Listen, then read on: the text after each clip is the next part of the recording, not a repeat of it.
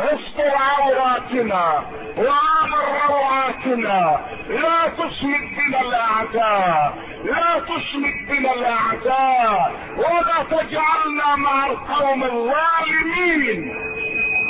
آمين. آمين. وأشهد أن لا إله إلا الله.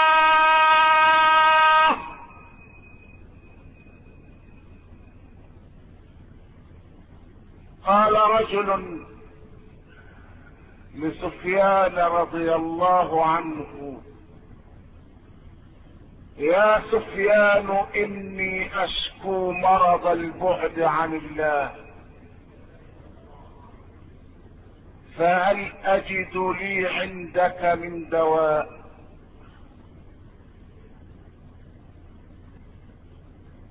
يا سفيان إني أشكو مرض البعد عن الله. فهل أجد لي عندك من دواء؟ فقال له سفيان يا عبد الله عليك بعروق الإخلاص وورق الصبر وعصير التواضع.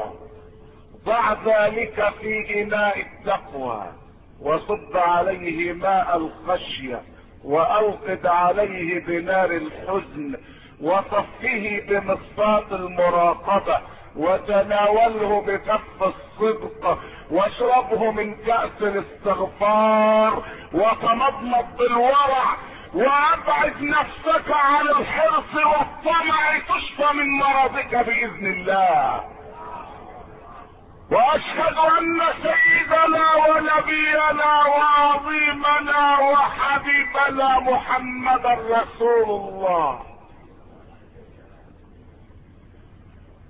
هو خير أستاذ عرفه العالم. وخير معلم كتب عنه التاريخ. وأعظم مخلوق شهدت له ملائكة السماوات والأرض. ربى رجالا ربى رجالا في المساجد.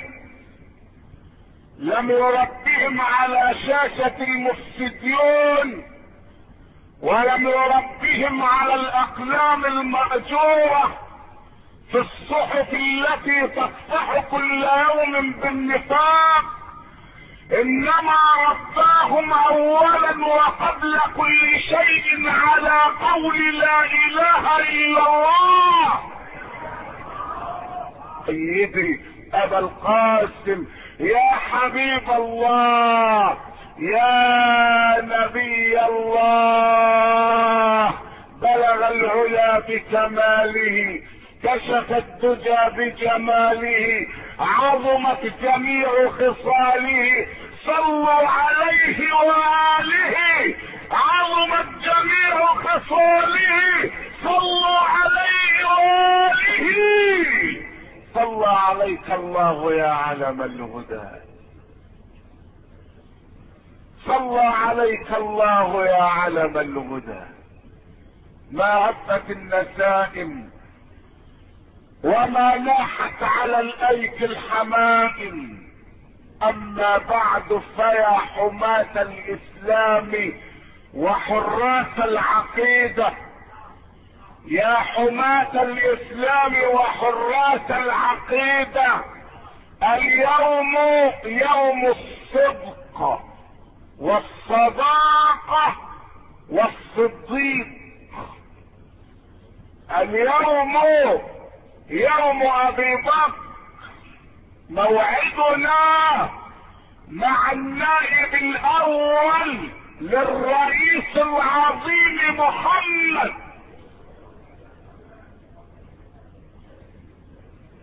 تعالوا.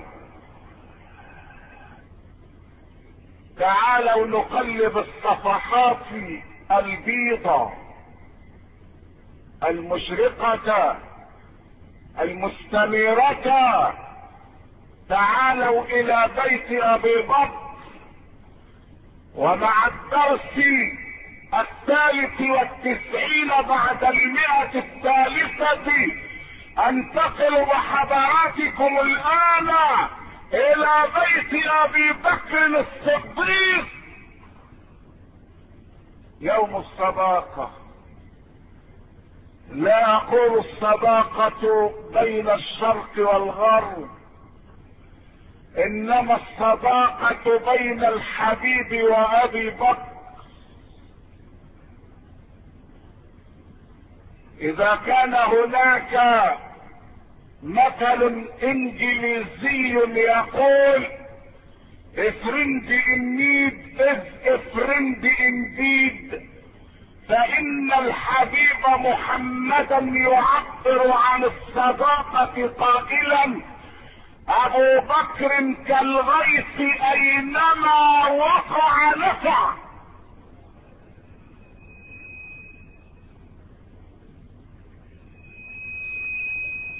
أبا بكر يا أبا بكر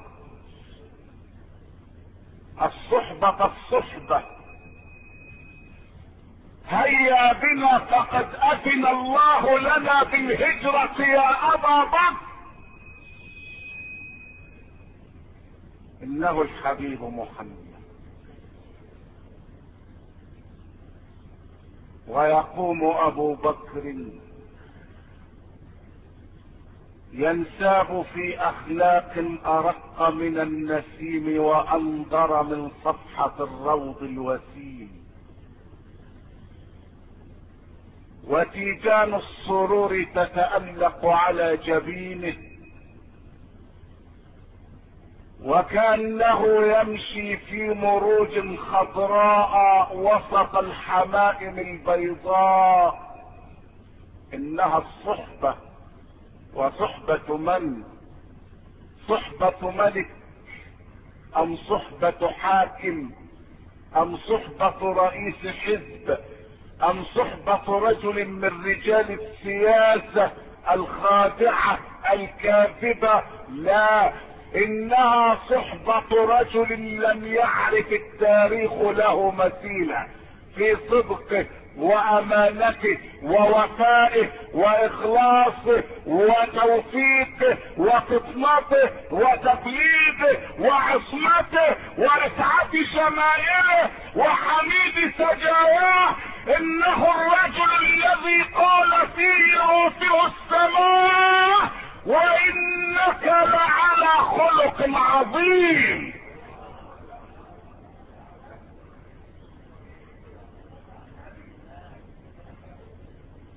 يا معشر السادة الأعزاء إنني وأنا أتكلم عن الصداقة أشعر بقشعريرة تنتاب بدني. لأننا نعيش عصرا عزت فيه الصداقة ومات فيه الوفاء. مررت على المروءة وهي تبكي. علامة تنتحب الفتاة. فقالت كيف لا أبكي؟ كيف لا أبكي؟ وأهلي جميعا دون خلق الله ماتوا.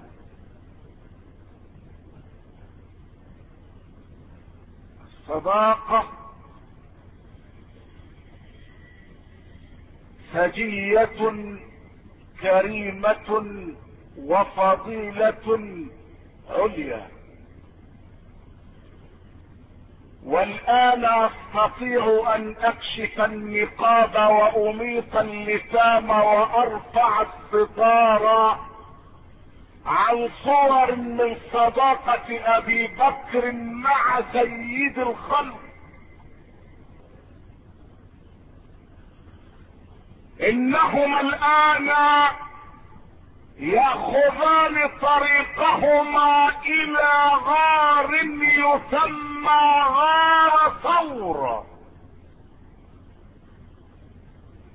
وشباب مكة ورجالها وقواتها وسيوفها وسهامها ورماحها وكسيها ودروعها تبحث عن واحد هو رسول الملك الواحد.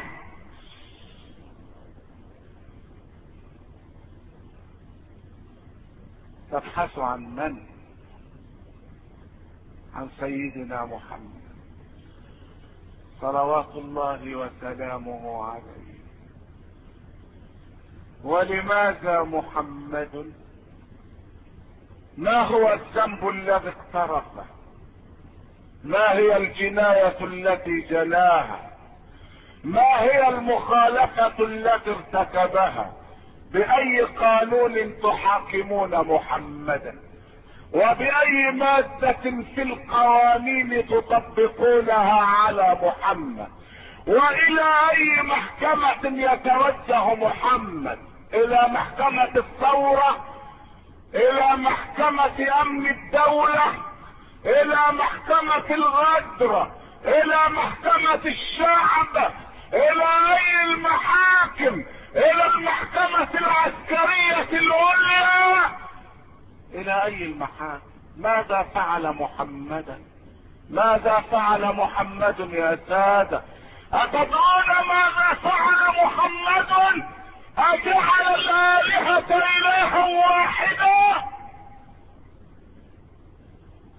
كل ما قاله أنه قال لا إله إلا الله. وراودوه عن نفسه.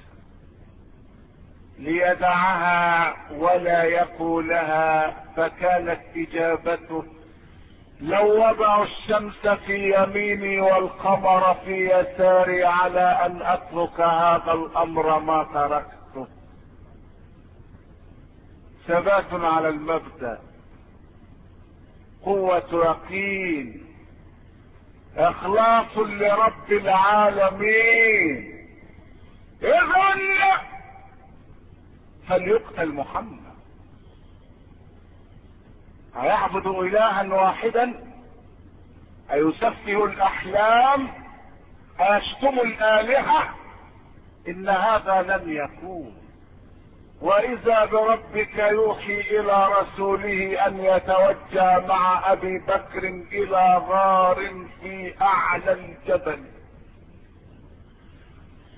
وهذا الغار لا يكفي إلا لرجلين اثنين لا ثالث لهما.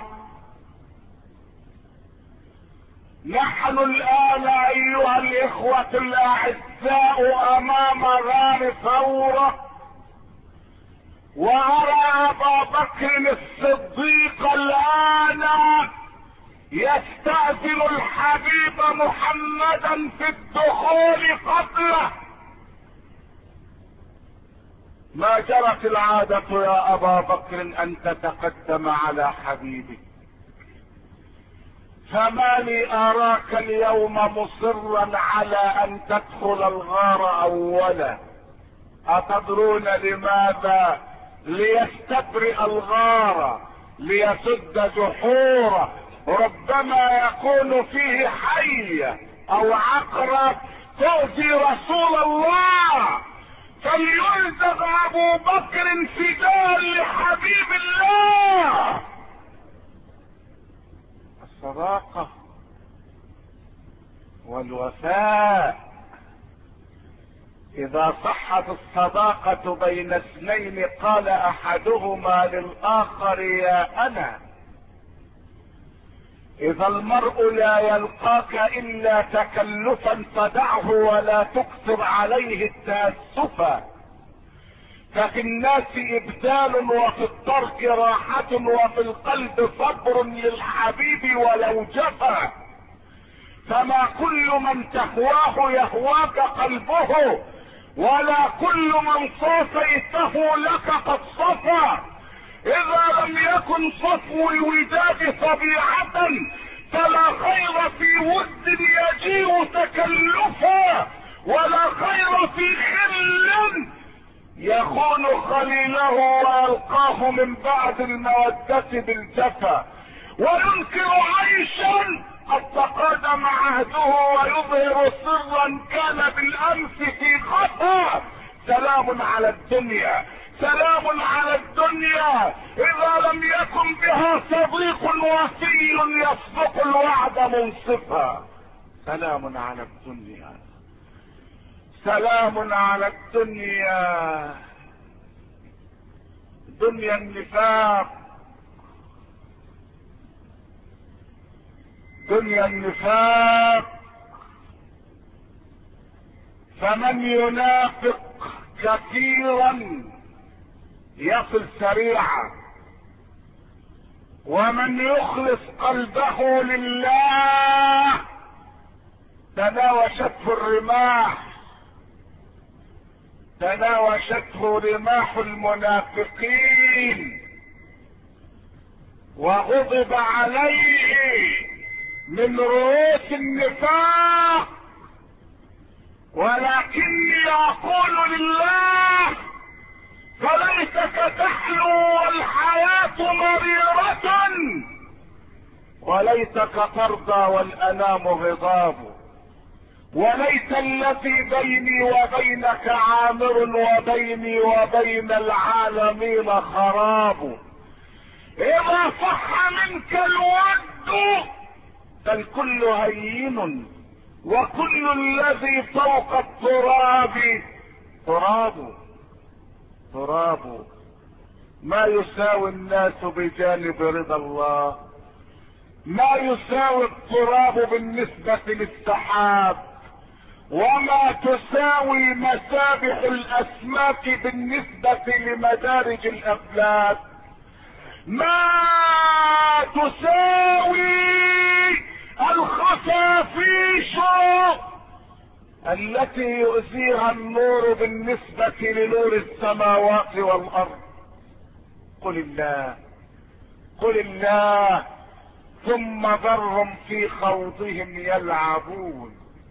قل الله قل الله ثم ذرهم في خوضهم يلعبون. ويأذن أبو بكر لرسول الله بدخول الغار.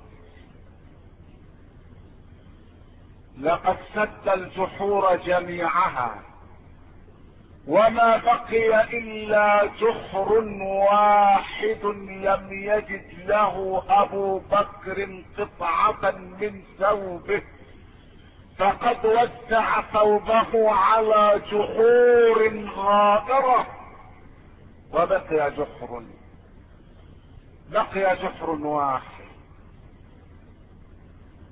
وظن أبو بكر أن هذا الجحر قد يكون فيه ما فيش فلا بد أن يسده ولكن لا يجد ما يسده به. أتدرون بأي شيء يسده بعقبه بقدمه؟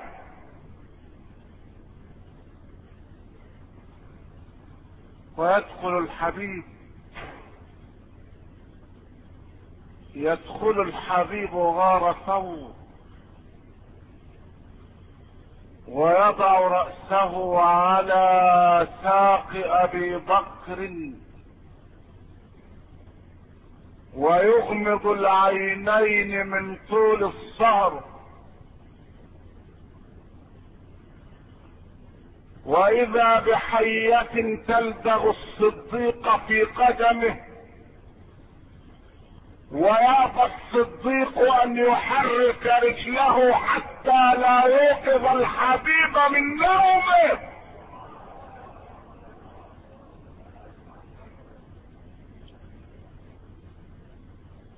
يا إخلاص يا وفاء يا صدق يا أمانة يا أبا بكر يا أبا بكر يا أبا بكر. ومع ذلك كان أبو بكر يقول يا ليتني شعرة في صدر رجل مؤمن. يا الله. يا الله. أبو بكر. أبو بكر. إن ملكا من ملائكة السماء. سأل الله تعالى أن يمد في حياته مئة ألف عام. ويعطيه قوة مئة ألف ملك ويعطيه أجنحة بقدر مئة ألف ملك. فقال له الله أيها الملك لماذا كل هذا؟ قال يا رب لاطوف بعرشك. قال له الله لا تستطيع. فقال له الملك يا رب استجب لي. فأعطاه الله ما طلب وظل الملك يطوف مئة ألف عام بقوة مئة ألف ملك بقوة مئة ألف جناح. وبعدما طاف هذا الزمان البعيد كله وجد نفسه عند جنة المأوى. وإذا بحورية تسأله ما يبكيك يا مسكين؟ فقال لا طلبت من ربي كذا وكذا وما استطعت أن أقطع من عرش الرحمن شيئا. فقالت له الحورية أيها الملك أتدري كم قطعت في هذا الزمان كله؟ والله ما قطعت إلا جزءا واحدا من مئة ألف جزء من نصيب أبي بكر الصديق في الجنة.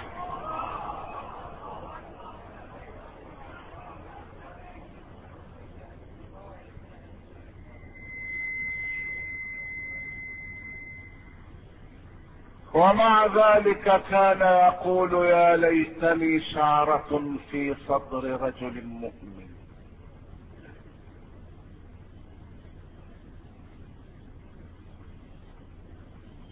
الصديق يلدغ ويأبى وفاؤه أن يململه لأن على ساقه رأسا هو أشرف رأس.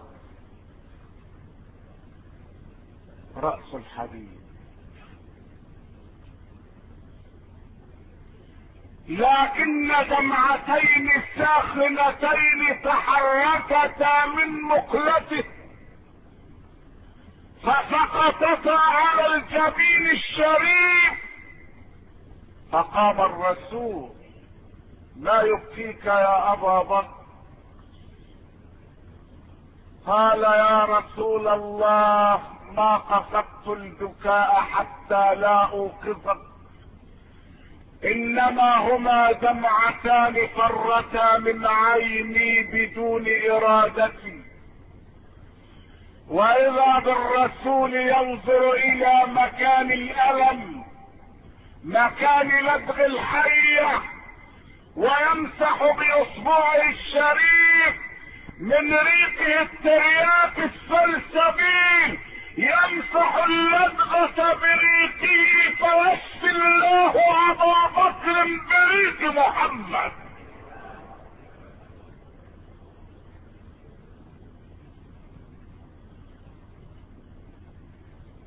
الله الله. الله ربي لا أريد سواه. هل في الوجود حقيقة إلا هو؟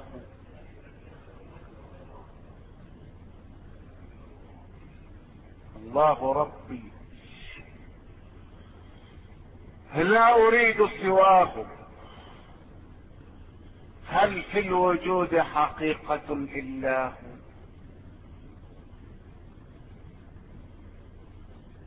ويتحرك القدر. وإذا بالمشركين يرابطون على باب الغار. أبو بكر يبكي ويقول يا رسول الله لقد التقت عيناي بعيني أبي جهل وما أظن الرجل إلا قد رآني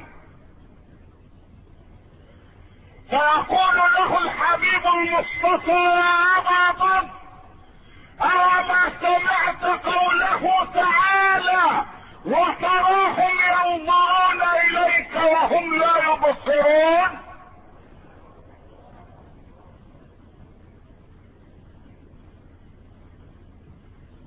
ما ظنك باثنين الله ثالثهما؟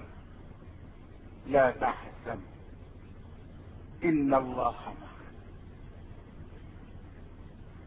إن الله معك.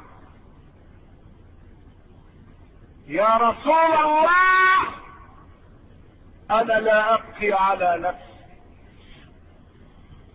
فما أنا إذا مت إلا فرد كبقية العباد. إنما أبكي خوفا عليك. لانك اذا مت اليوم هلكت الأمة جميعا من بعد. إلا تنصروه فقد نصره الله. إذ أخرجه الذين كفروا ثاني اثنين. إذ هما في الغار. إذ يقول لصاحبه لا تحزن إن الله معنا. فأنزل الله سكينته عليه وأيده بجنود لم تروها وجعل كلمة الذين كفروا السفلى وكلمة الله هي العليا. والله عزيز حكيم.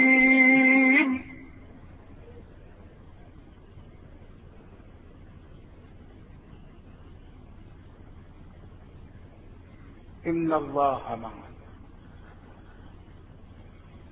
ومن كان الله معه فمن عليه.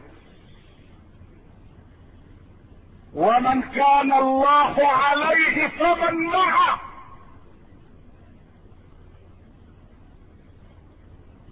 لم يكن حول الغار مدفعية ميدان ولم يكن أمام الغار حقول أنغام ولم يكن فوق الغار قاذفات مقاتلات ولم يكن وراء الغار دبابات فما هو السلاح الذي حمى به الله حبيبه؟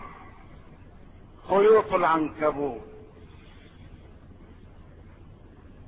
خيوط العنكبوت. وإن أوهن البيوت لبيت العنكبوت لو كانوا يعلمون.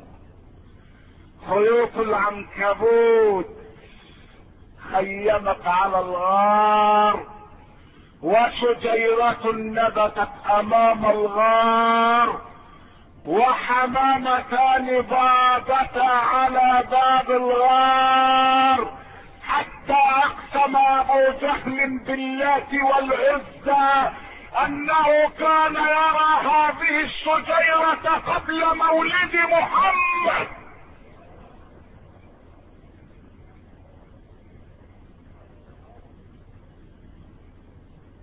وإذا العناية لاحظت كعيونها نم فالمخاوف كلهن أمان نم. فالمخاوف كلهن آمان. حمامتان. وخيوط العنكبوت.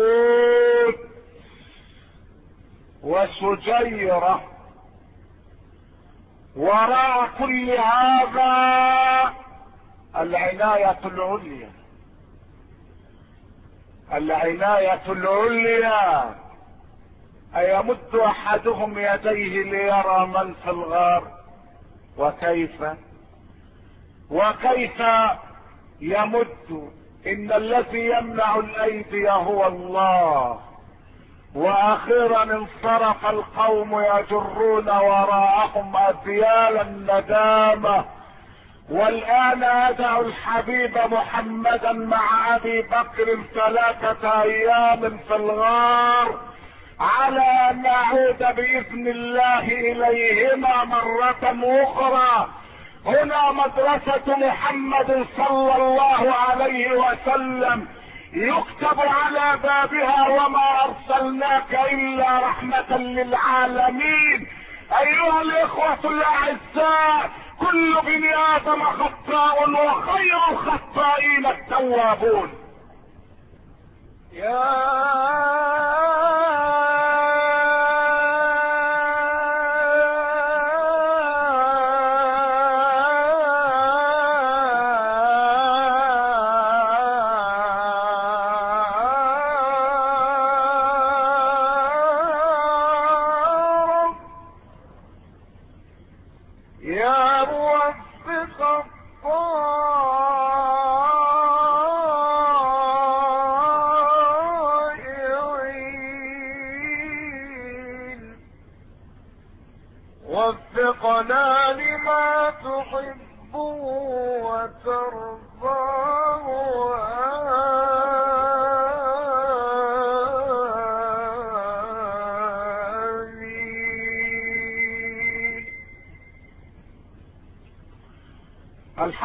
لله رب العالمين وأشهد أن لا إله إلا الله ولي الصالحين وأشهد أن سيدنا ونبينا وعظيمنا وحبيبنا محمدا رسول الله خاتم الأنبياء والمرسلين.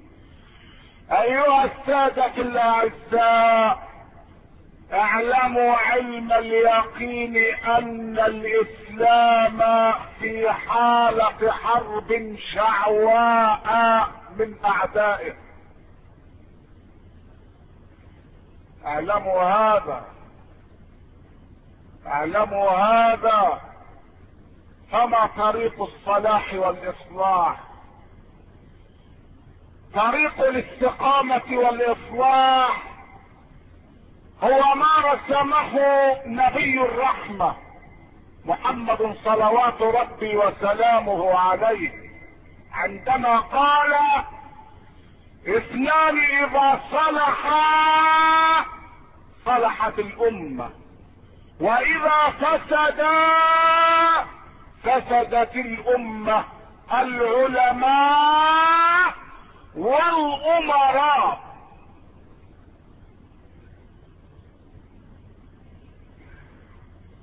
اثنان إذا صلحا صلحت الأمة. وإذا فسدا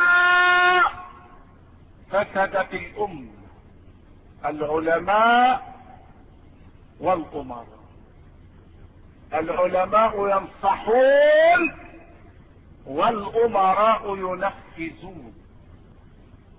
فإذا تحول العالم إلى منافق وتحول الأمير إلى مستمع ومقتنع بالنفاق فاعلم بأن طريق الإصلاح مسدود لا يوصل. ولهذا فإني أنتقل بحضراتكم الآن نقلة سريعة إلى مسجد رسول الله أيام كان إمامه الذي يصلي بالناس فيه هو الإمام مالك بن أنس رضي الله عنه. اسمعوا موقف العالم من الامير ذهب هارون الرشيد أمير المؤمنين لزيارة المدينة والصلاة في مسجد رسول الله. ونزل في قصر بالمدينة. وأرسل إلى الإمام مالك بن أنس يقول له يا مالك لقد نزلت بقصر في المدينة فأتنا يا مالك لتدرس لنا سنة رسول الله. الأمير أمير المؤمنين هارون يعرض على الإمام مالك أن يأتي إليه في قصر أتدرون ماذا كان جواب مالك؟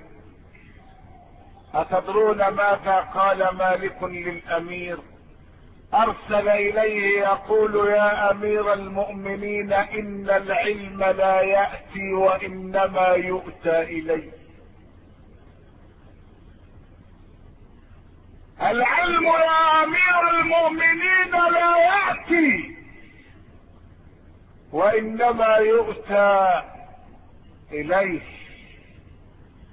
واعلم يا امير المؤمنين أنك إذا جئت المسجد متاخرا فلن أسمح لك بتخطي رقاب المسلمين. لأن من تخطى رقاب الناس فقد آذاهم. ومن آذاهم فقد آذاني. حديث رسول الله ومن اذاني فقد آذى الله. ومن آذى الله يوشك أن يأخذه.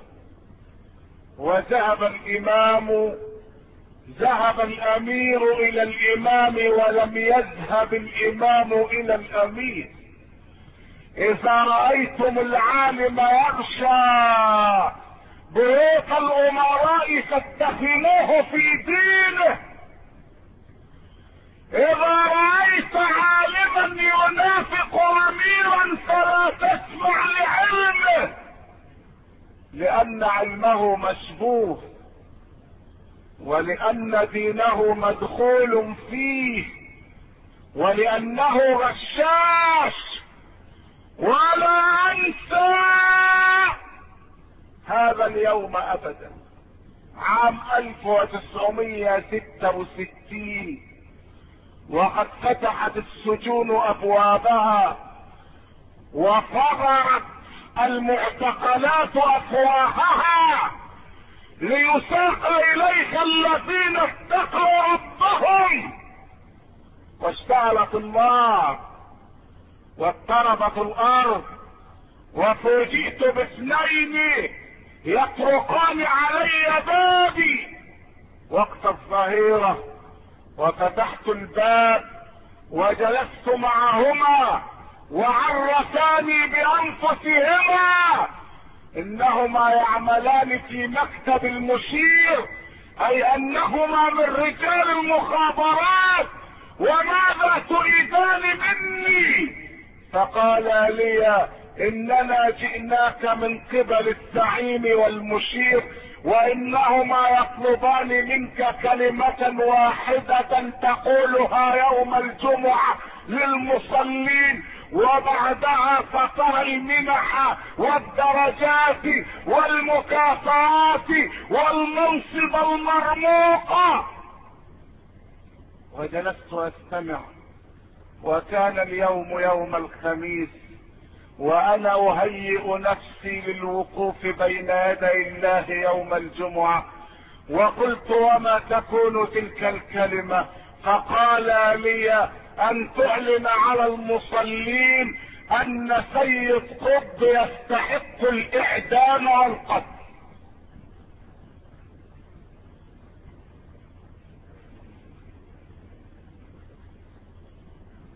ولعلمكم أيها الإخوة الأعزاء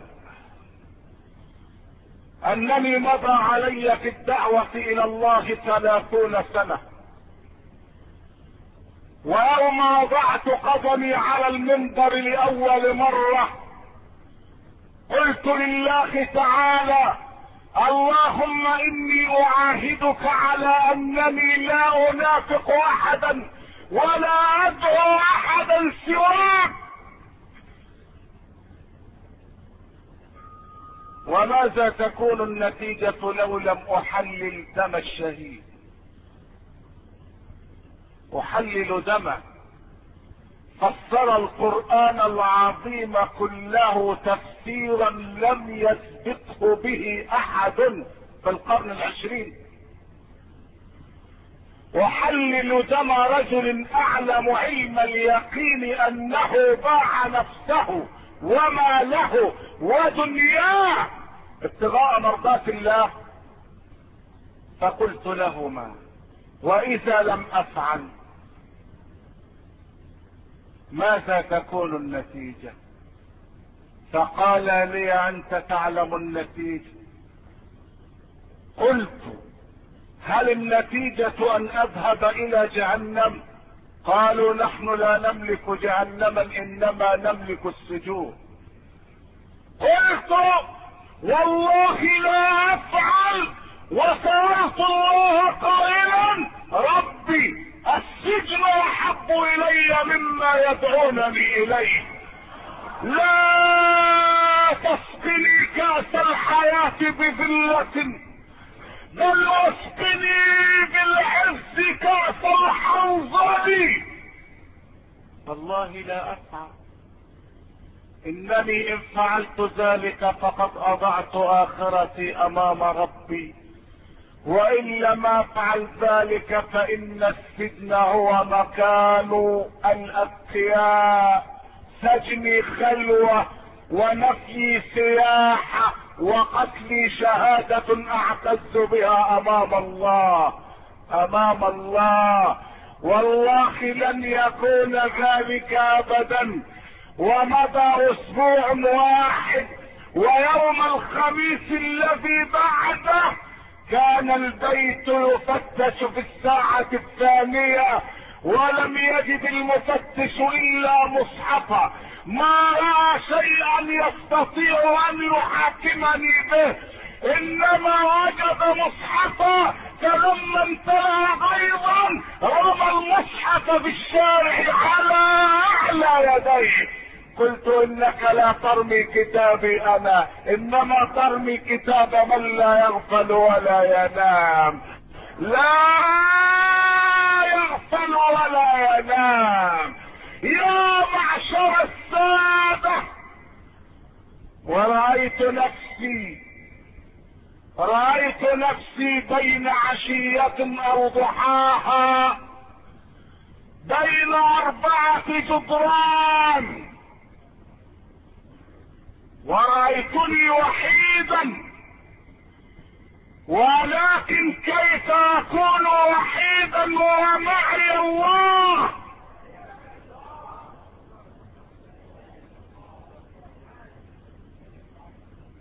النفاق يؤدي إلى النار والإخلاص يؤدي إلى الجنة.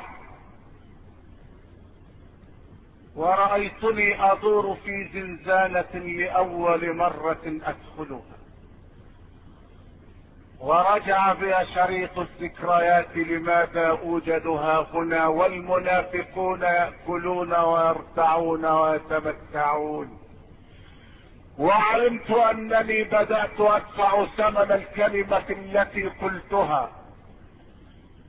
بدأت أدفع ثمنها وخلعت عمامتي ووضعتها وسادة تحت يدي وخلعت جبتي وافترشتها على بلاط الزنزانة رقم 19 في معتقل القلعة ومضت ساعات الليل وأنا أذكر الله الذين آمنوا وتطمئن قلوبهم بذكر الله.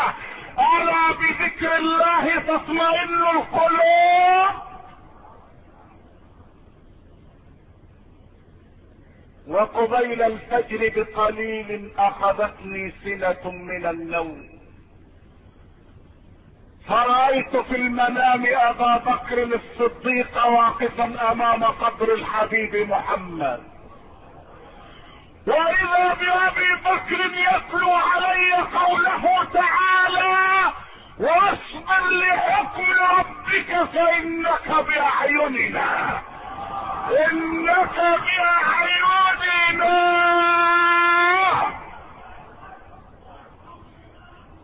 فإنك بأعيننا. وعلمت أن هذا في رضا الله. يهون. يهون. رضاك خير من الدنيا وما فيها.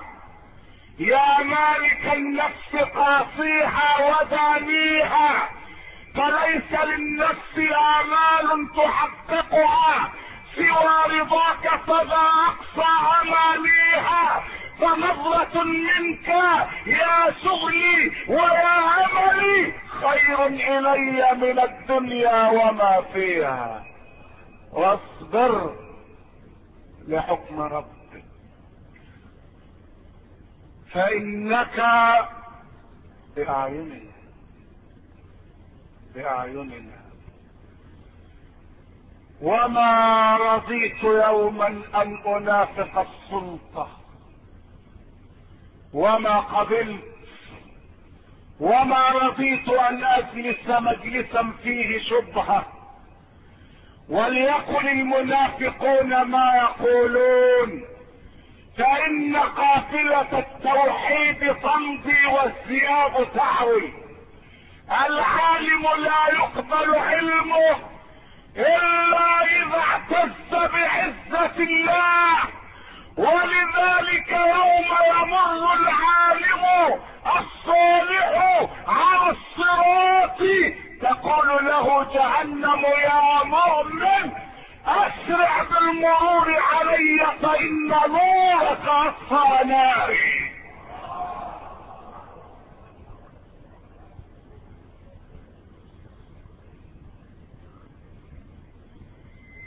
وذهب هارون فهل اخروا الاذان حتى يصل السلطان؟ لا. ذلك عمل لا يرضي الله. هل اخروا الأذان حتى يصل السلطان؟ لا. هل اصطفت الجنود بين صفوف المصلين؟ هذا وجهه للقبلة وذاك ظهره إلى السقف وذلك رأسه إلى النوافذ. لا. وينقلب المسجد سكنة عسكرية. لا. ماذا حدث؟ هل تعمد القارئ عند دخول السلطان أن يقرأ؟ إن الذين آمنوا وعملوا الصالحات إنا لا نضيع أجر من أحسن عملا. هل تعمد أن يقرأ إنا فتحنا لك فتحا مبينا؟ ألم نشرح لك صدرك؟ الله يصطفي من الملائكة رسلا ومن الناس. هل هذه الآيات نزلت في أحد غير رسول الله؟ إنا فتحنا لك أنت يا محمد ليغفر لك الله ما تقدم من ذنبك وما تأخر. ويتم نعمته عليك ويهديك صراطا مستقيما وينصرك الله نصرا عزيزا. والله ما نزلت هذه الآيات إلا في واحد. هو محمد حبيب الواحد. وحد الواحد.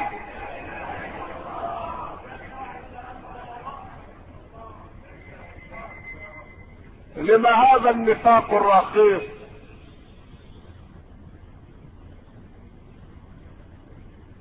هل ارتهبت ايدي المصلين بالتصفيق عند دخول هارون؟ هل ارتفع هتاف الجاهلية عندما ركبت قدم هارون أرض المسجد؟ لا الكل متأدب بقوله تعالى وأن المساجد لله. فلا تدعوا مع الله أحدا. فلا تدعوا مع الله أحدا. كل ما فعله هارون أنه عندما أراد الجلوس في المسجد جلس آخر المسجد على كرسي فلم يسمح له الإمام مالك بالجلوس على الكرسي وبدا يشرح قول النبي صلى الله عليه وسلم؟ من تواضع لله رفعه وفهم هارون أنه المقصود بهذا الكلام فرفع الكرسي وجلس مع المصلين على الأرض. لم يكن هارون فاسقا ولم يكن هارون ماجنا. إنما عاش هارون خمسين عاما. كان يحج البيت الحرام عاما وكان يجاهد في سبيل الله عاما. عام يحج وفي عام يغزو. عام جهاد وعام حج. وكان هارون قواما صواما كان يقوم الليل ويصوم النهار. وكان في ليلة الجمعة يصلي لله عشرين ركعة كل ليلة جمعة. لكن المؤرخين اليهود هم الذين شوهوا تاريخ هارون. هارون ما كان ماجنا وما كان فاسقا بل فتح الله البلاد على يديه. حتى أنه وهو يخطب الجمعة ذات يوم بالمسلمين رأى سحابة تمر فوق رأسه فنظر إليها وقال لها أيتها السحابة إن شئت فامطري هنا وإلا فامطري حيث شئت فسوف يصلني خراجك في أي مكان أمطرت فيه. اي انه كان يحكم أمه. تمتد من حدود الصين شرقا إلى باريس غربا. ومن حدود سيبيريا شمالا إلى المحيط الهندي جنوبا. هارون هذا رآه اعرابي يطوف بالبيت. فقال له اتق الله يا هارون.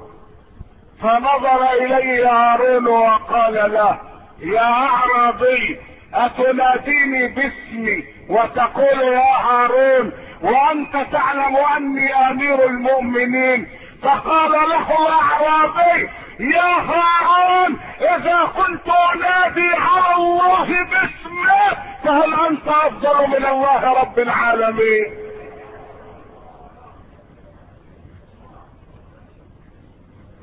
لا إله إلا الله.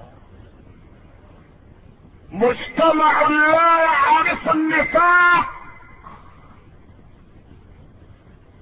مجتمع لا يعرف لغة الطبول مجتمع لم يخف إلا الله. والله وحده. أنا أنادي على الله باسمه. فأقول يا الله. فكيف لا أناديك باسمك. هل أمر هارون باعتقاله؟ هل التفت به الشرطة العسكرية لتذيقه ألوان العذاب؟ هل وجه إليه الأمن المركزي رصاصة في عينه اليمنى؟ لا والله. كل ما لقيه الأعرابي ابتسامة عذبة ارتسمت على وجه أمير المؤمنين. يا معشر السادة وتطالعنا الأيام بأحد أصحاب الأقلام المأجورة ويعلنها صريحة على صفحات الجرائد امنعوا الأذان الذي يذاع اثناء المسرحية أو المسلسل في التلفزيون لأن الأذان يزعجه ويقطع عليه انسجامه وسلسلة أفكاره. الأذان الذي لا يستغرق أكثر من دقيقتين يزعج الصحفي البارع يزعجه يزعجه يزعجه لفظ الله أكبر يزعج الأعصاب. يقطع الانسجام. يقطع الاستغراق. يقطع المتعة. ولذلك يقول سيادته إنه يسمع الأذان بنصف أذن. لأن الأذن والنصف الأخرى ما زالت مع المسلسل. أمة لا تجد رغيف العيش تستورد المسلسلات من أمريكا. أيها الإخوة الأعزاء وأنا أقول لهذا التافه وإذا ذكر الله وحده اشمئزت قلوب الذين لا يؤمنون بالآخرة. وإذا ذكر الذين من دونه إذا هم يستبشرون. أريد أن أقول لحضراتكم إن مصر قبل الثورة كانت تحتوي على طائفتين المسلمين والنصارى. وبعد الثورة أضيف إلى الطائفتين طائفة ثالثة هي طائفة المنافقين. وبعد ذلك رفعت الشيوعية. وبعد ذلك دخلت اليهود. فهناك طوائف خمس مسلمون ونصارى ومنافقون وشيوعيون ويهود. وأخطر الأقسام الثلاثة أخطر الأقسام الخمسة اليهود. اليهود وأنا أقرأ كتابا يسمى الماسونية في العراء. هذا الكتاب يبين لنا المنظمات السرية لليهود وكيف يجندون العبادة لخدمة الصهيونية. رأيت في الكتاب بابا يسمى الدونمة. الدونمة معناها أن هذه المنظمة الصهيونية تربي ناسا وتسميهم بأسماء المسلمين وتربيهم على الصهيونية ليفعلوا الإسلام من الخلف ويوقعون تحت المقال باسم محمد باسم مصطفى باسم حسن باسم أحمد. والله يعلم إنهم لكاذبون. والله يشهد إنهم لكاذبون.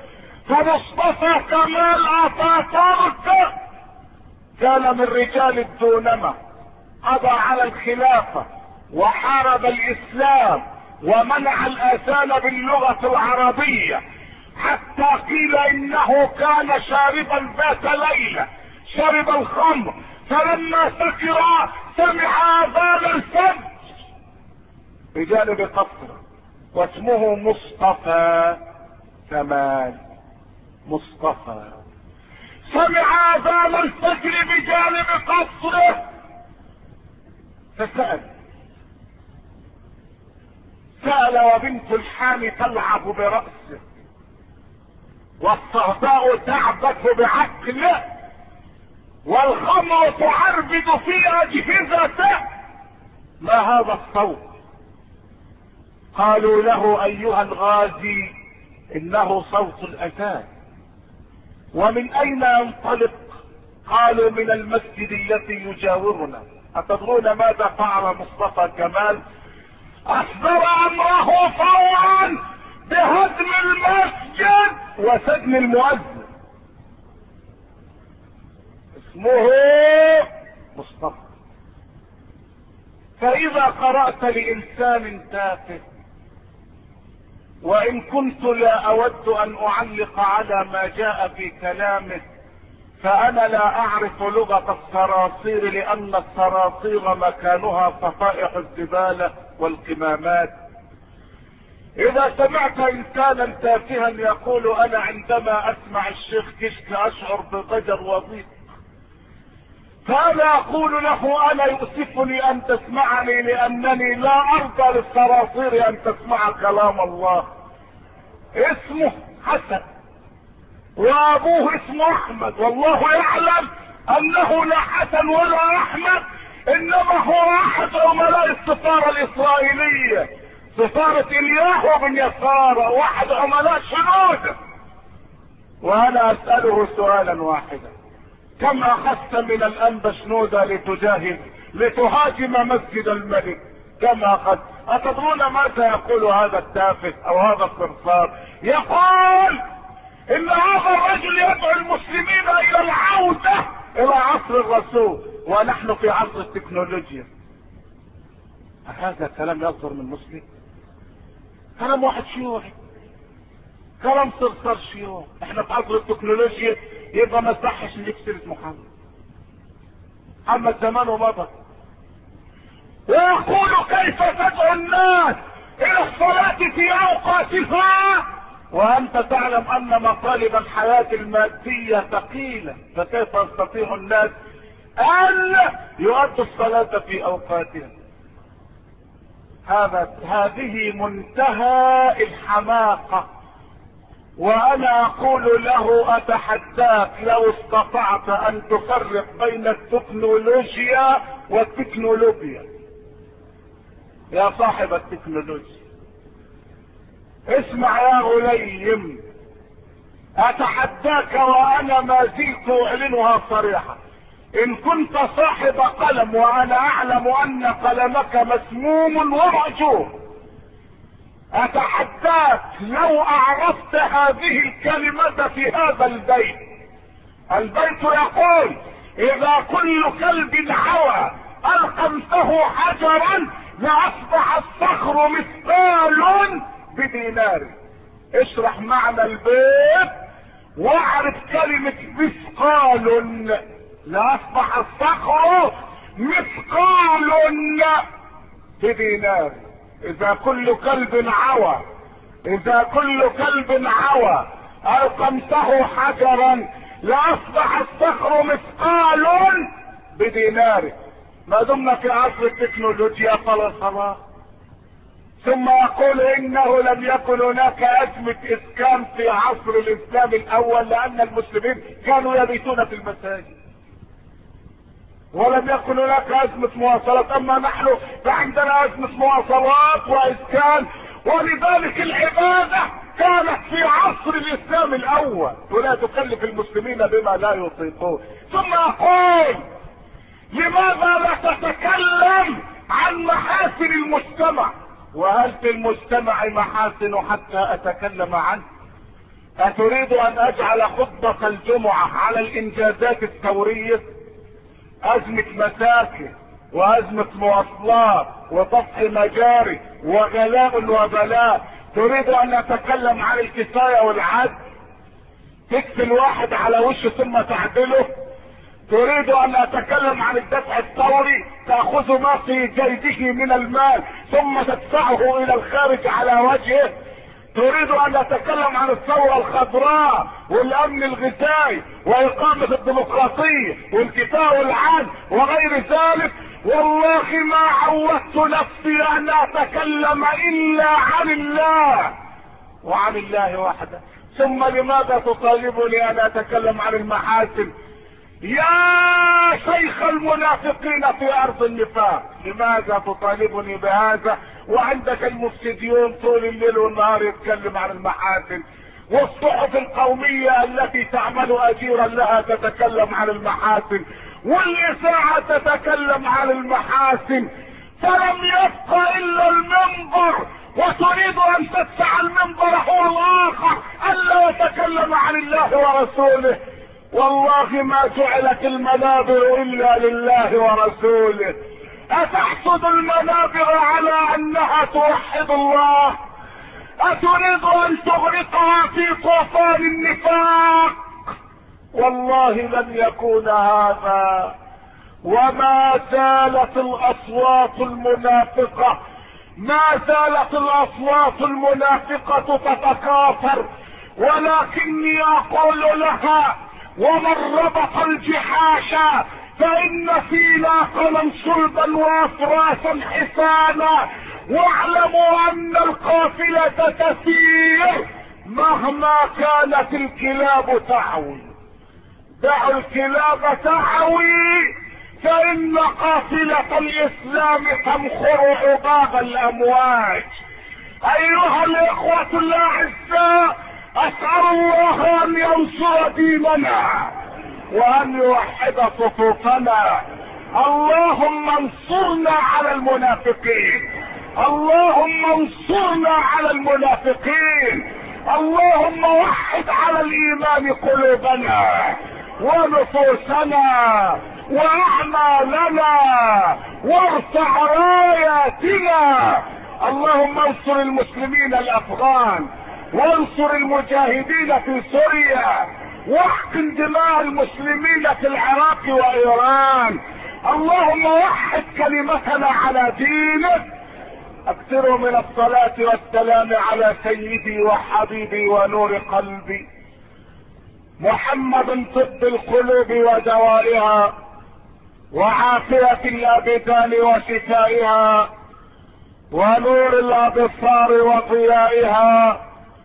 أيها الإخوة الأعزاء قبل أن أفارق مقامي هذا يشرفني أن أقول لحضراتكم إن الأخ الطبيب طاهر محمد طاهر يدعو فقراء المسلمين ليعالجهم مجانا في عيادته الزاوية الحمراء شارع عواد عمران رقم 22 فشكر الله لك يا اخانا طاهرا يا ابن محمد طاهر فجاء اسمك محمدا بين الطهر والطهر.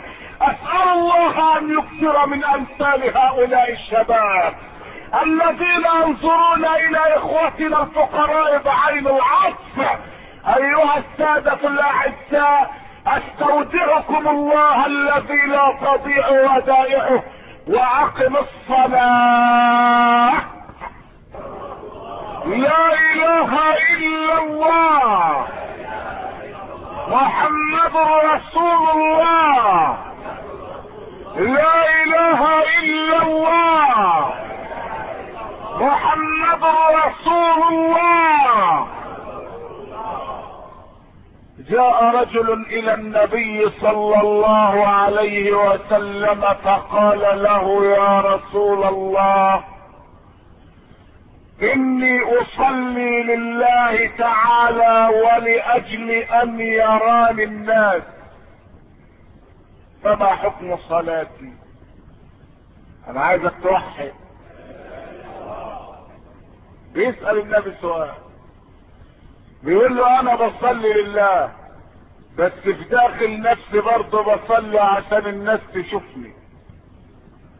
حكم صلاتي إيه؟ وقبل أن يجيب الحبيب محمد كانت الإجابة قد نزلت من قبل الحق جل جلاله. نزل الأمين جبريل على الأمين محمد بقوله تعالى فمن كان يرجو لقاء ربه فليعمل عملا صالحا ولا يشرك بعبادة ربه أحدا. يبقى كأن العمل لا يقبل إلا بالإخلاص وإن أي عمل يدخله الرياء لا يقبله الله. ولذلك اسمع معايا كلام المولى في الحديث القدسي الجليل. بيقول لنا ربنا؟ بيقول أنا أغنى الشركاء عن الشرك. فمن عمل عملا أشرك فيه غيري تركته وشريكه. يجي يوم القيامة ربنا يقول له أنت ما صليت من أجلي إنما صليت من أجل أن يقال تذهب إلى الذين صليت لهم فخذ الأجر منهم ولذلك الرجال بعد ما سمعوا له الصلاة على الحبيب أنت عارف أول نار أول النار ما تصعر تصعر بثلاثة هم مين؟ نسمعه. لعل وعسى إن ربنا يكفينا شره. أول ثلاثة تسعر بيهم النار. أول واحد يسأله الله أي آتيتك القرآن فماذا فعلت به؟ يا لطيف.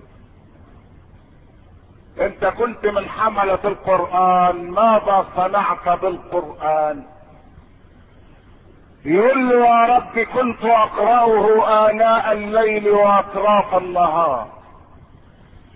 فيقول له الله ما فعلت ذلك من أجلي وإنما لأجل أن يقول الناس إنك قارئ. وقد قيل إنك قارئ خذوه يا ملائكتي إلى النار. ده راجل حفظ القرآن.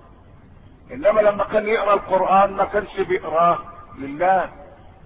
لما بيقراه بالليل عايز يسمع الجيران وعايز يسمع الناس اللي ماشية في الشارع عشان ياخد من قراءة القرآن غطاء يضل به عباد الله. وقد قيل إنك قرأته وإنك قارئ فليس لك عندي ثواب. طب والثاني؟ يسأله الله اعطيتك مالا فماذا صنعت به؟ قالوا عن الفلوس اللي ربنا اداها له عملت بها إيه يقول له يا رب كنت أنفق منها على الفقراء. فيقول له الله ما فعلت ذلك من أجلي وإنما أنفقت ليقال إنك كريم. وقد قيل إنك كريم فليس لك عندي ثواب خذوه يا ملائكتي إلى النار. طيب. ده بتاع المال ولذلك المسلم ما يحسدش حد على ماله ولا على جاهه. ليه؟ لأن المسلم دايما شعاره ارضى بما قسم الله لك تكن اغنى الناس. دي المملكة الحقيقية اللي سيدنا محمد صلى الله عليه وسلم شيدها للمؤمنين. ارضى بما قسم الله لك تكن أغنى الناس. لأنك لا تدري ما مصير المال ما ثمن الغنى ما هو الذي سيترتب على المال. ولذلك الإنسان العاقل ما يقولش لربنا أنا عايز فلوس ابدا. ليه؟ ما هو جايز تنغني بس بجانب الغنى صح ساعة المال ما بيدخل البيت. أول الفلوس ما تخبط على الباب. تقول لاصحاب البيت لا يمكن أتفق مع الصحة. يلا. يلا يا صحة اطلعي من الباب. ما في مال وصحة ابدا. ولذلك تلاقي الفقير يتم يجري. ما ينامش على فراش الموت غير مرة واحدة بس. طول عمره يجري زي العفريت ساعة الموت ما يجيله ينومه إنما الغني ما يبطل شكوى. الروماتيزم بقى في المفاصل. الضغط بقى 250 السكر بقى 570 غلى يعني السكر بقى غالي. خارج التسعير ها؟ وطول ما هو قاعد يبص في إيديه. ويبص في المراية. ده أنا عينيا اصفرت لا ده اخضرت ليه يعني حط رميل؟ يا راجل ما توكل على الله.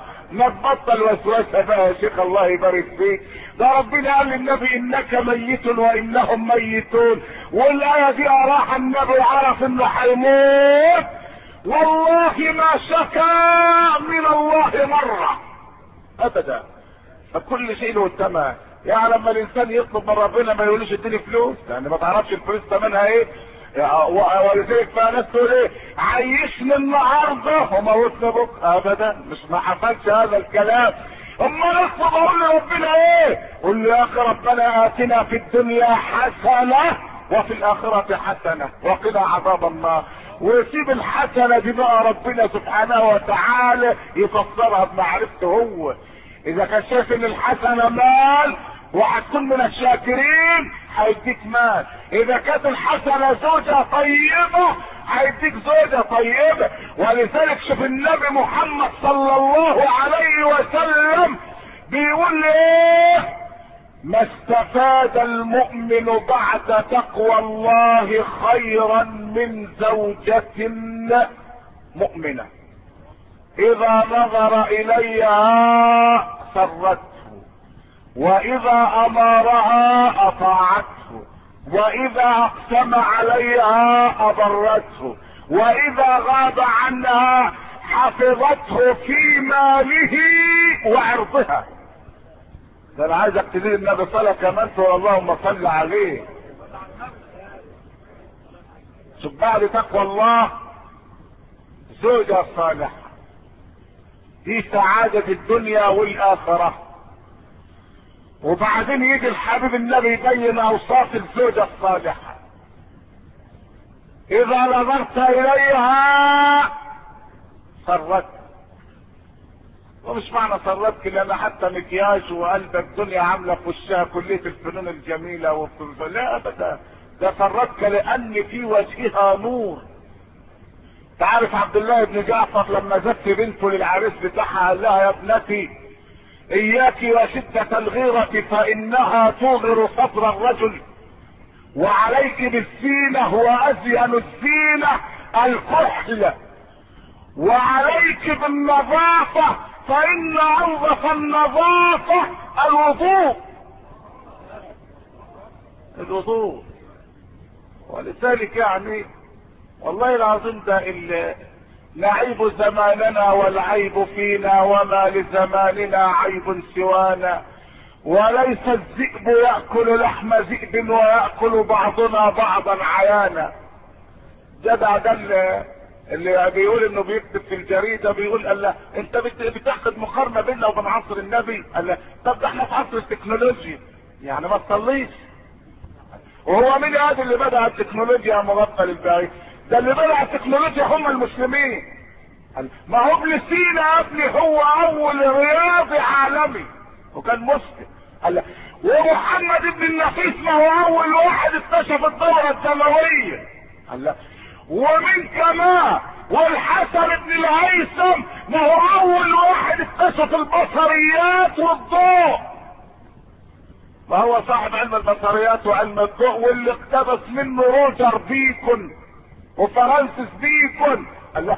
ومين اللي اخترع علم الرياضة. هو الخوارزمي ومين أول واحد اتكلم عن الكيمياء. ما هو جابر بن حيان يا مرسل ومين أول واحد اكتشف علم النبات.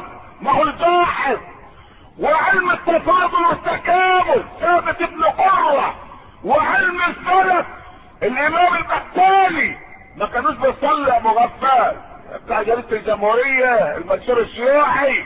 ها قالوا لا إحنا بتوع تكنولوجيا بقى مرفوع عننا الصلاة.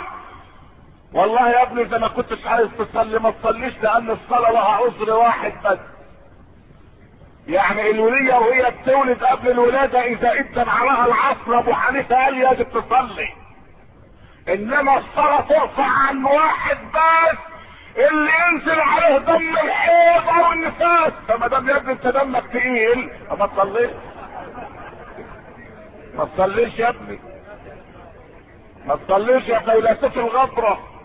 آه ما دام أنت راجل يعني عادتك كده. ما تصليش.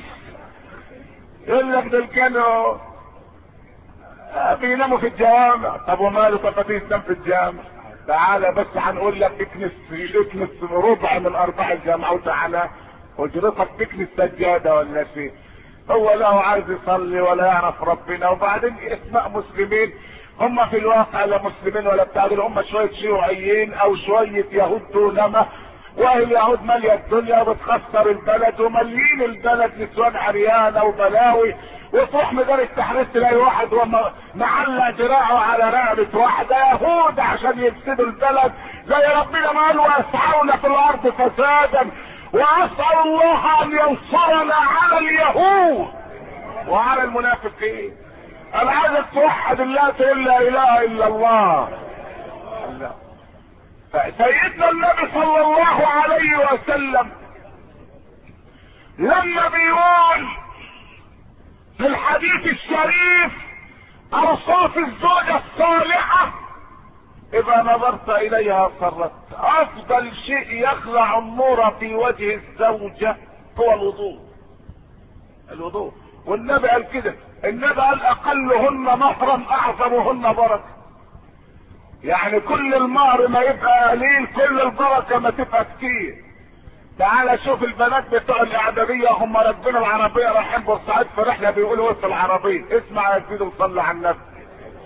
بيقولوا إحنا بنات الإعدادية ما ناخدش إلا أبو عربية مرسيدس أو 1100 يا عيني يا عيني.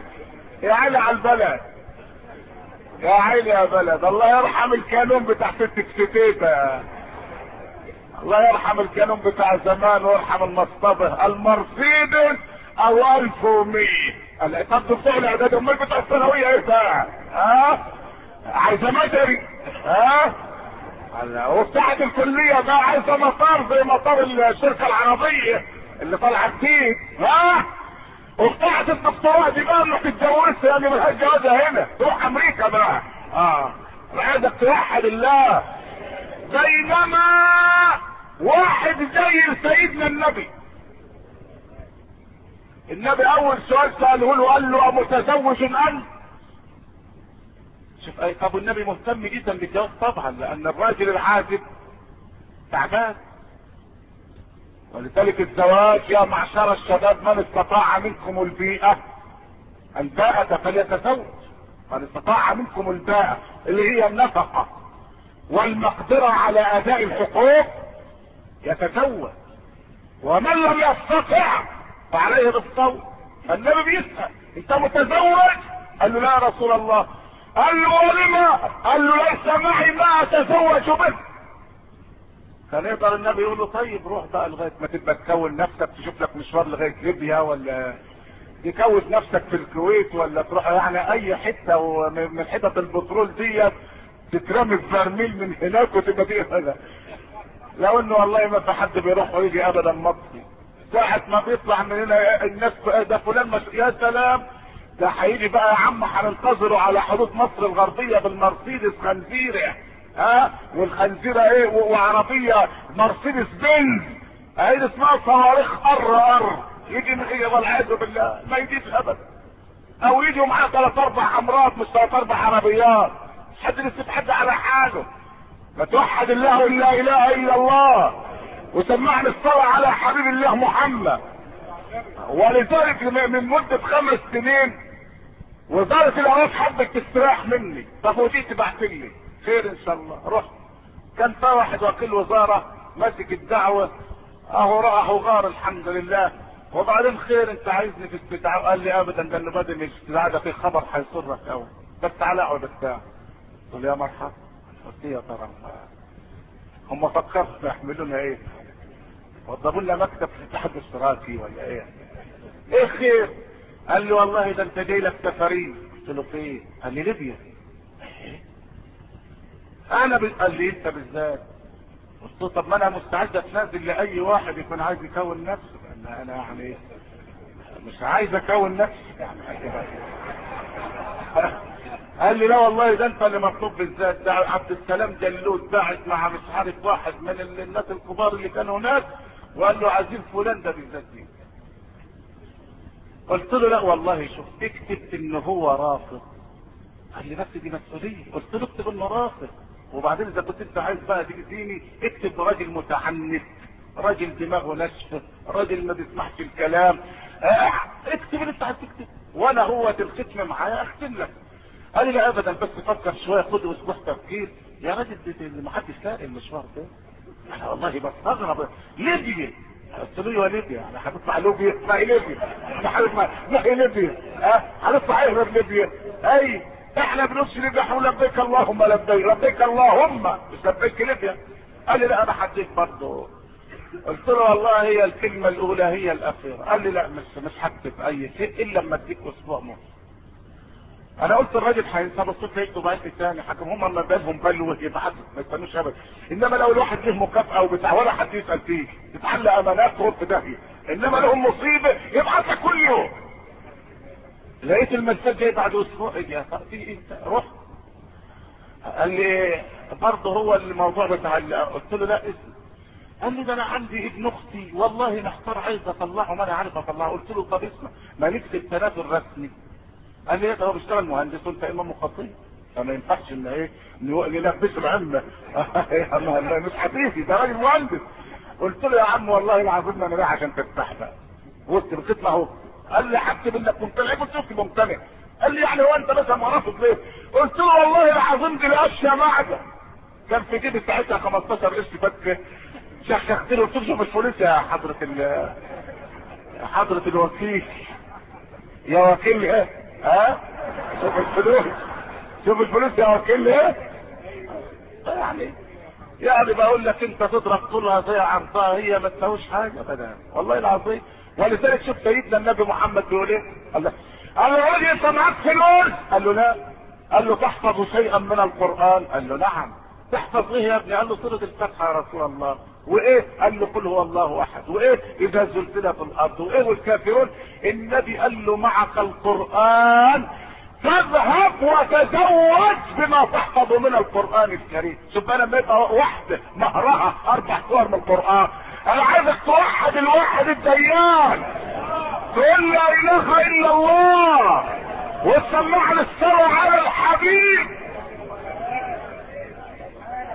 يا سلام. يا سلام يا سلام. قال له الاربع صور دول تروح تخبط على أحسن بيت وتقول لهم أنا عايز أتزوج بما أحفظ من القرآن الكريم.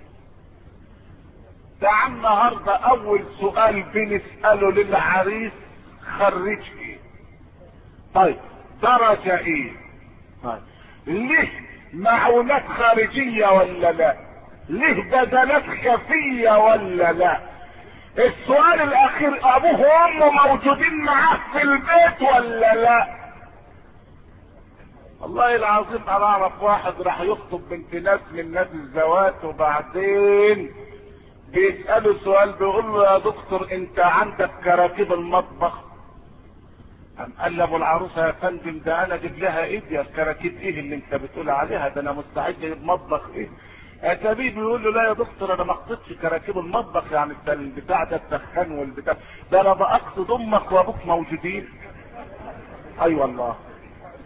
أي أيوة والله. آه. حتى مش راضي يقول له يعني أمك وأبوك. يعني بيقول له كراكيب المطبخ. طب ما دام ما انتش عايز تقولها بالعربي قولها له بالإنجليزي. ما أنتوا دكاترة دايما كلامكم انجليزي يبقى الواحد قاعد قدامهم عايزين عمالين يرسموا لبعض ما هو عارف هو مربوط بإيه. آه. قول له يور فازر ويور موجودين. وإذا ما كانش عندك فازر ومازر قول له يور جزر ودخل كلمة جزر كمان. ما هو ما هو الواد لما جه من إنجلترا بيقول له يا بابا ده أنا اتعلمت الإنجليزي والإنجليزي سهل قوي قال له إزاي يا ابني؟ قال له تعرف السجارة اللي في إيدك دي؟ قال له آه. قال له بالإنجليزي سيجاريت قال له كويس. الراجل دخل على مراته وقال لها يا أم علي قالت له نعم. لا تعرف ان الانجليزي سهل تعرف الرغيف اللي في إيدك ده بالإنجليزي إيه؟ رجع في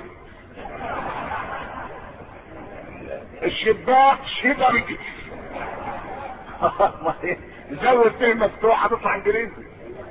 آه. فالوالدين بقوا كراكيب مطبخ. مع إن سيدنا النبي صلى الله عليه وسلم له كلمة عظيمة. بيقول بروا آباءكم تبركم أبناؤكم. وعفوا تعف نساؤكم. شوفوا الكلمتين دول. بروا آباءكم تبركم أبناؤكم. ولذلك واحد كان ابنه بيضربه فشده من رجليه طلعه من الباب بتاع الدار. لغاية متر قام الراجل قال لابنه يا ابني ما تشدنيش أكتر من كده. كفاية متر قدام الباب. قال له ليه يابا بتقول لي الكلام قال له لأن أنا يا ابني برضه مسكت أبويا ضربته وطلعته من الباب بس لمدة متر بس. فأنت يا ابني لو لو سحبت أكتر من كده ابنك هيعمل فيك كده. فشوفوا يا رجاله البر لا يبلى والذنب لا ينسى والديان لا يموت. الديان لا يموت. اعمل ما شئت كما تدين تدان واحد من لا يغفل ولا ينام.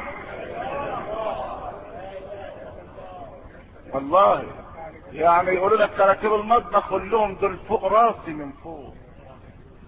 وهتفرط فيهم يا ابني. لأن في فرق بين أمك ومراتك. أمك بتيجي آخر السنة تقول لك يا محروس يا ابني أنا كنت محوشها لك قرشين عشان داخل مدارس. خد يا ابني. إنما مراتك كل ما تشوف وشك تقول لك هات. مش مرة تقول لك خد ابدا ولذلك الراجل قال لمراته أنت كل ما تشوفي وشي تقولي هات هات ربطيني الهتات. ما فيش مرة تقولي خد. قالت له خد البابور صلحه. ما في يعني ما دام أنت عايز خد خد البابور صلحه. آه. يعني شوف شوف الفرق بين الحنان وبين الاستنزاف فرق شاسع. الراجل تزوج بأربع سور من القرآن. ليه؟ النبي كان بيحل مشكلة. النبي ما كانش بيعقد مشاكل. كان بيحل مشاكل. كان بيحل مشاكل ما كانش بيعقد مشاكل. أقلهن مهرا أعظمهن بركة. كل المهر ما يبقى قليل كل البركة ما تكثر. إذا نظرت إليها سرت إذا أمرتها أطاعت. هي برضه بناء على كلام الخواجة بتاع جريده الجمهورية بيقول لك الزمن اتغير وإحنا بقينا في عصر التكنولوجيا. أهو برضه الجواز اتغير. واحد بيقول لمراته لكن النهار هو كان راجل خريج معاه لطنط وهي برضه معاه لطنط بس هو حقوق وهي اداء إنما تعدلت اللطنطات والغلب واحدة. فبيقول لها اديني كوباية مية. قالت له بتقول إيه؟ لها اديني كوبايه له تقوم انت تشرب انت مفكر الزواج استعباد ده الزواج شعور متبادل. يا سلام يا سلام. والله شوف ده ما هو ما هو بيقول لك أنا في عصر التكنولوجيا خلاص نبقى نخلي كل حاجة بالتكنولوجيا. أي تكنولوجيا ياقوطه آه كل حاجة خليها تكنولوجيا بقى. آه. ولذلك النهار واحد والله بيقول لمراته لو لي القل اشرب قالت له من تشرب قال لها على الطلاق تجيب القل قالت له على الطلاق أنا جايبها حالك. والله الراجل من غل بخ يقول لي يا الشيخ عايز اشرب باليمين قلت له يمين إيه يا ابني؟ قال لي مراتي طلقتني. هي لها يمين يا الشيخ. لها يمين. قلت له حلفت عليك يا ابني؟ قالت لك إيه؟ قالت لي على الطلاق أنا منولى لك والله العظيم الراجل جاي متحير بيقول إيه؟ قال لك طب اذا كان يمينها هيقع؟ العده بتاعتي قد إيه طب عدتها بتحيض يا ابني. وإنت هتحيض عندك في سنتاريو. إيه يا ابني الغلب اللي أنتوا جايبينه ده؟ آه ما إحنا في عصر التكنولوجيا. كل حاجة بتتغير. ما فيش مانع إن الواحده تطلع جزء. قلت له يا ابني ابدا بلاش يمين يا ابني. لا لا اليمين يمين ولا شمال. خلاص انتهت. أيوه. وحد الله. الثالث من الناس اللي ربنا هيوديهم في جهنم. بعد القارئ ريان والمتصدق ريان المقاتل في سبيل الله ريان. عملت إيه؟ يقول له قاتلت حتى قتلت فيه. فربنا يقول له ما في قتلت وإنما قتلت ليقال إنك شجاع وقد قيل إنك شجاع. آه. فيؤمر به إلى النار ده كله سببه إيه؟ الرياء.